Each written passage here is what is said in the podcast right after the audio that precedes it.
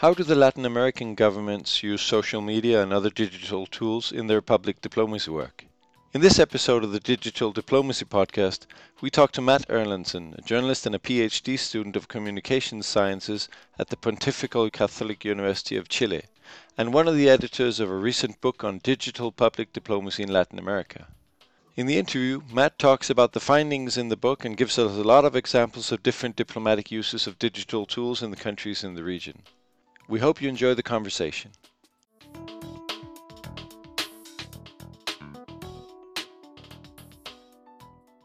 Matt, welcome. Thank you very much for hosting me today. Could you just start by telling how you got into digital diplomacy and tell us a little bit about your background? Sure. Well, I am a journalist. Um, I'm also a Master of International Studies, and right now I'm a PhD student of Communication Sciences. But a couple of years ago, I was uh, talking to a few colleagues, and we realized that most of the research on diplomacy was done in English, and that little was written in Spanish or about Latin American region. So we also saw that the Latin governments were getting modernized and embracing digital tools.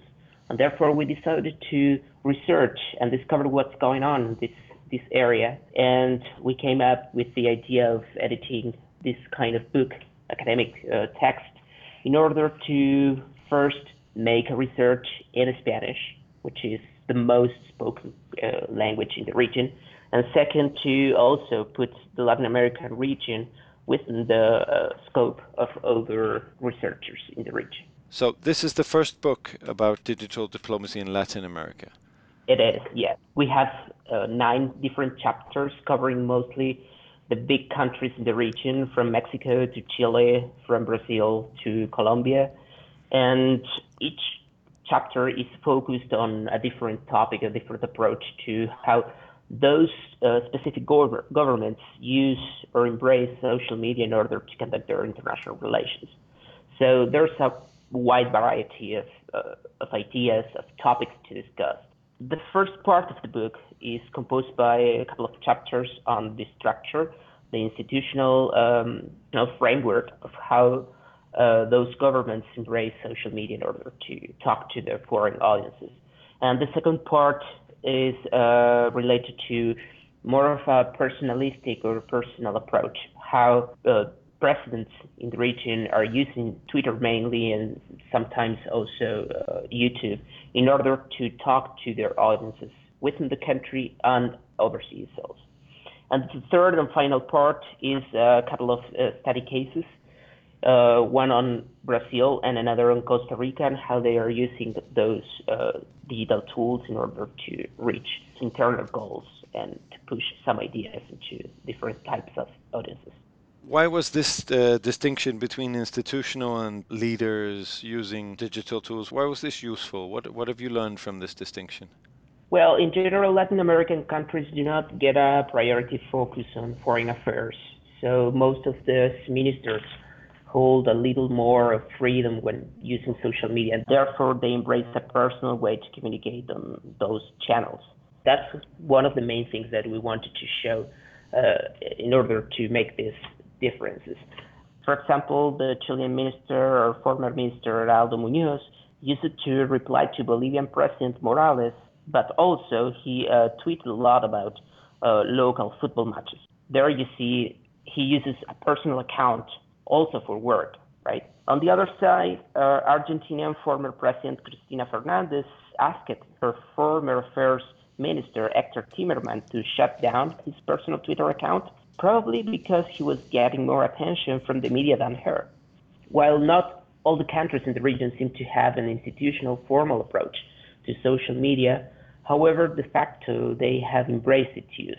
So uh, yes, uh, Latin America is a very big continent with uh, 20 different countries, 13 dependencies, and more than 600 million people, where the access to internet and the freedom to speech isn't always granted. So the focus varies from place to place and from administration to administration. Uh, we wanted to make this differentiation because the general literature on uh, digital diplomacy wasn't uh, very focused on how actually people use it rather than focused on, on how the institutional uh, structure was helping to push out their a topic to be discussed. I think uh, both approaches approaches work well in different contexts. Digital tools are designed to help in the communication process and to make democracy stronger. So it really depends on what are the country's priority and needs in social media. As you said, it's a big continent, um, many different countries, uh, big differences between the different countries. Can you say something in, in general about the status on the digitalization of the diplomatic services and the practice of digital diplomacy in Latin America? Yeah, well, in general, there's big differences in approaches in the region. We have governments strongly focused on developing digital strategies, such as Mexico.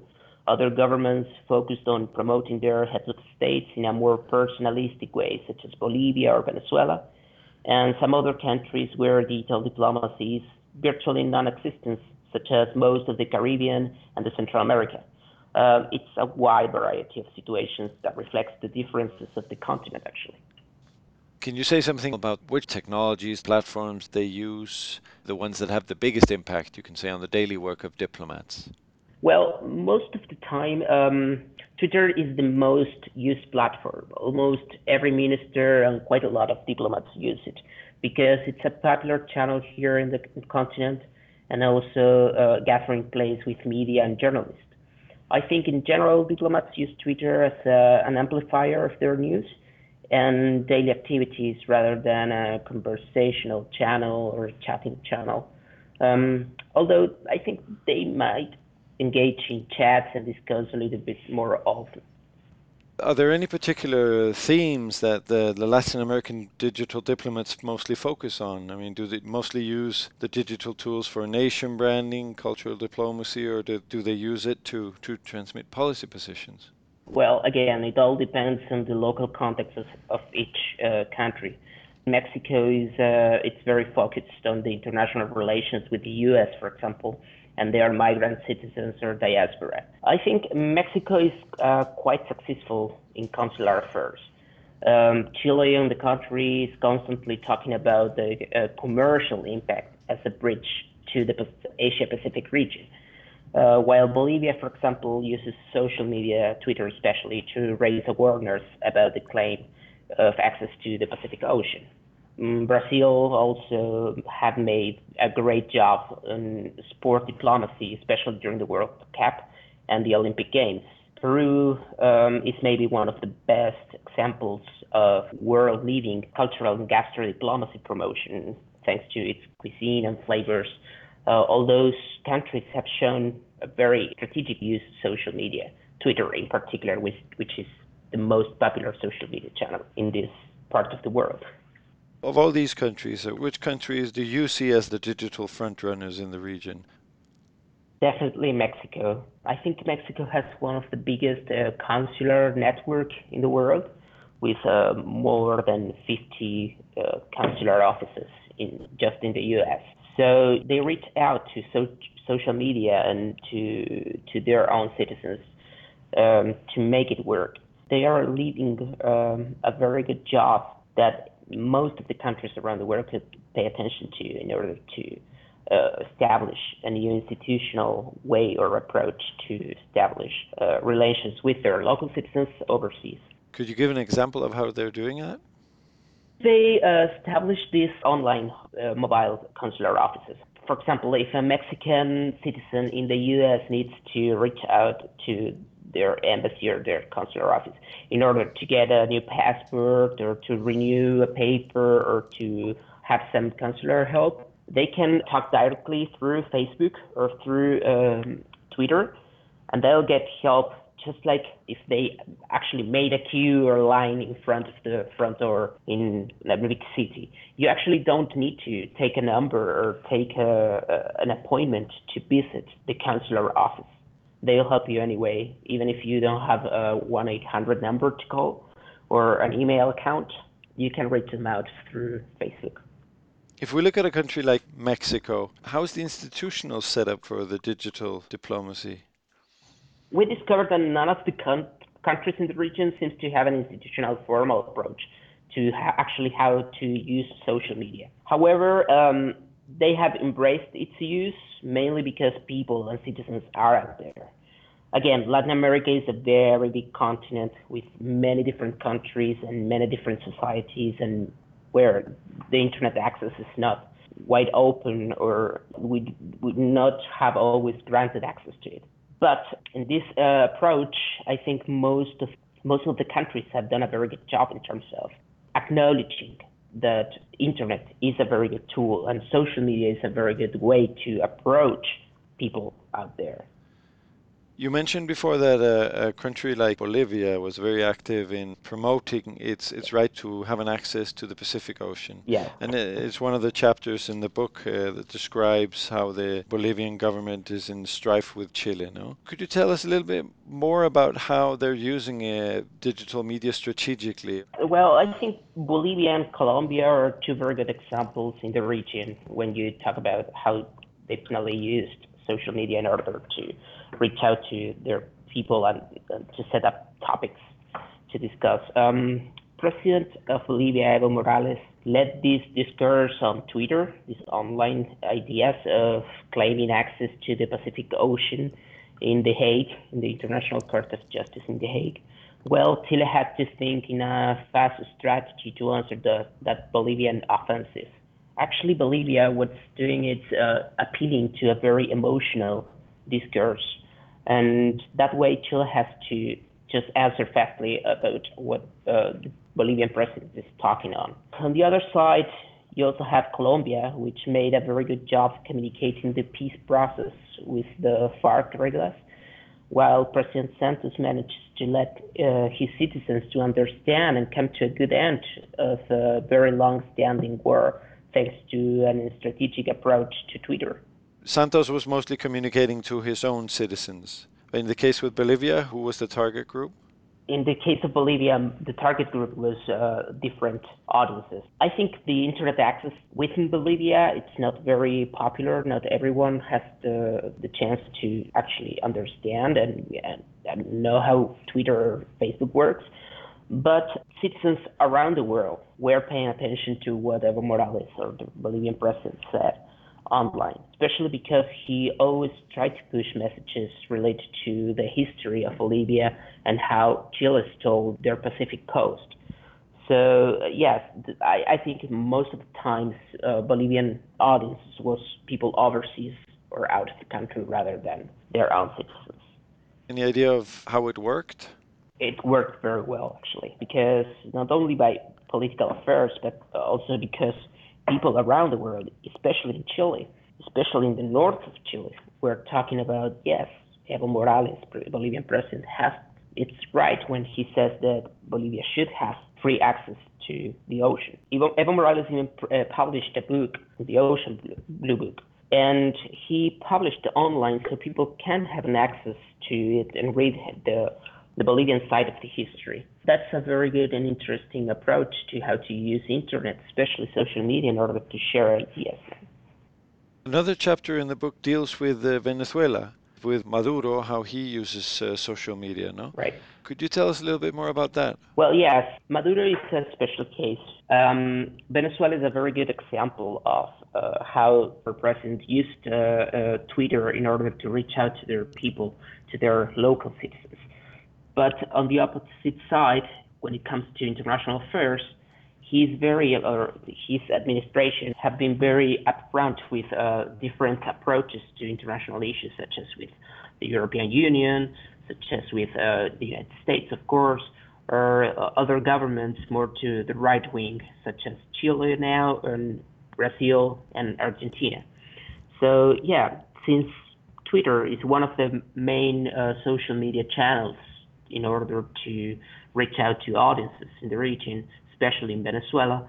I think that they've done a very good job in, uh, in how to implement and how to set up a common uh, understanding that these channels, thanks to the mobility and thanks to the access you have through your cell phone, it's a very good way to establish social discussion of things going on. You also mentioned uh, Brazil earlier. How is the situation in Brazil? Well, actually, in Brazil, they have maybe after Mexico the second uh, better system. What they do is to reach out to audiences overseas where uh, Brazilian diplomats are posted. Uh, Brazilian diplomats also get uh, training on how to use the internet and social media. But in spite of the rest of the Latin American continent, especially in South America, Brazil is more focused on reaching out to Africa and Asia, where they have a bigger uh, expat community. So yes, they have a training on how to use Twitter, how to use social media, but on the other side, they face the problem that their overseas audiences are not having the same access, free to uh, freedom of speech or easy access to internet. So they, they struggle in this fight in between both things. How to use social media, which social media channel is the best for them to talk to their audiences or their citizens abroad, and how to grant access to this new dialogue, online dialogue. When we look at other countries, non Latin American countries working with digital tools in Latin America, do they adapt to the local uses or is it vice versa? I think um, foreigner diplomats or foreign governments working here in Chile or South America did very well in terms of uh, embracing the tools and the channels that are, that are already established. For instance, uh, most of the European ambassadors to Latin America use Twitter to engage with the local topics and audiences. There's a few cases here in Chile, such as the United Kingdom ambassador, former United Kingdom ambassador Jon Benjamin, and the former U.S. ambassador Mike Hammer were very popular because they talked directly to their followers on Twitter. They uh, made dinners at home, inviting their followers, people, unknown people around their social media channels thanks to the type of messages they push out in, in social media, especially on Twitter. They um, they engage with their followers because they were close to. They, they didn't show like they were uh, the old type of or stereotype of diplomats, you know, wearing black hats and formal ties but rather they, they show up like people, common citizens working for a government and trying to establish a better relations between two different societies and two different countries. I think they also understood what the local problems were and how to help to solve them out. I remember Jon Benjamin and Mike Hammer being one of the first people uh, marching for LGBTI rights and women rights here in Chile a few years ago. So probably they learned how to use social media in order to listen to the local uh, society, the local citizens, and to push new ideas on how to solve those problems. If we look in, in more general terms, uh, digital diplomacy and, and digitalization, where do you see the biggest opportunities and challenges for diplomacy in this fluid world? I think for the very first time in history, common citizens are able to participate in the debate, the general debate of foreign affairs and to reach out to authorities. I think that's a win-win situation for everybody, uh, that no country has the right to dismiss. This is a very good opportunity to make democracy and human development stronger. The new diplomats also need to embrace and adapt new tools, but I don't think this is a totally new way to make diplomacy secrecy and security issues will continue. However, now the authorities have more tools to listen to citizens like no experience before. I have two questions I usually ask at the end of, of the interview okay. about what diplomacy can learn from other sectors and what other sectors can learn from diplomacy. If we take the first one first, what do you think diplomacy can learn from other sectors in regards to tackling the digital transformation of our societies in the best possible way? I think innovation, uh, seeing how other people solve problems with new tools. Diplomacy is actually a cross-sector field where diplomats and practitioners can learn from a lot of different experiences. And on the opposite, I think uh, sometimes the old-fashioned way is also a possibility to solve an issue in a good way. Not everything needs to be innovative per se. So yes, um, both diplomacy and other sectors can learn from each other in terms of communicating and sharing experiences. Well, thank you very much for your time, Matt, and I wish you uh, the best of luck with continuing your studies on digital diplomacy in Latin America. Sure. Thank you, Miko, and thank you very much for inviting me over to your program. Thank you.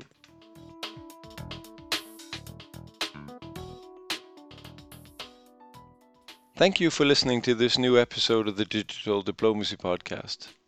We've left some links in the show notes for you to follow Matt Erlandson and his work, and also a link where you can download the book on digital public diplomacy in Latin America. We hope you liked the interview and that you'll share it on social media with others that you think could be interested. Also, if you have a few minutes, please give us a like and review on iTunes, SoundCloud, or wherever you prefer to listen to this podcast. We'll be back soon with more interviews with interesting perspectives on the way diplomacy is changing, evolving, and adapting to the disruptive changes that our societies and international relations are undergoing these years. Until then, have a great time.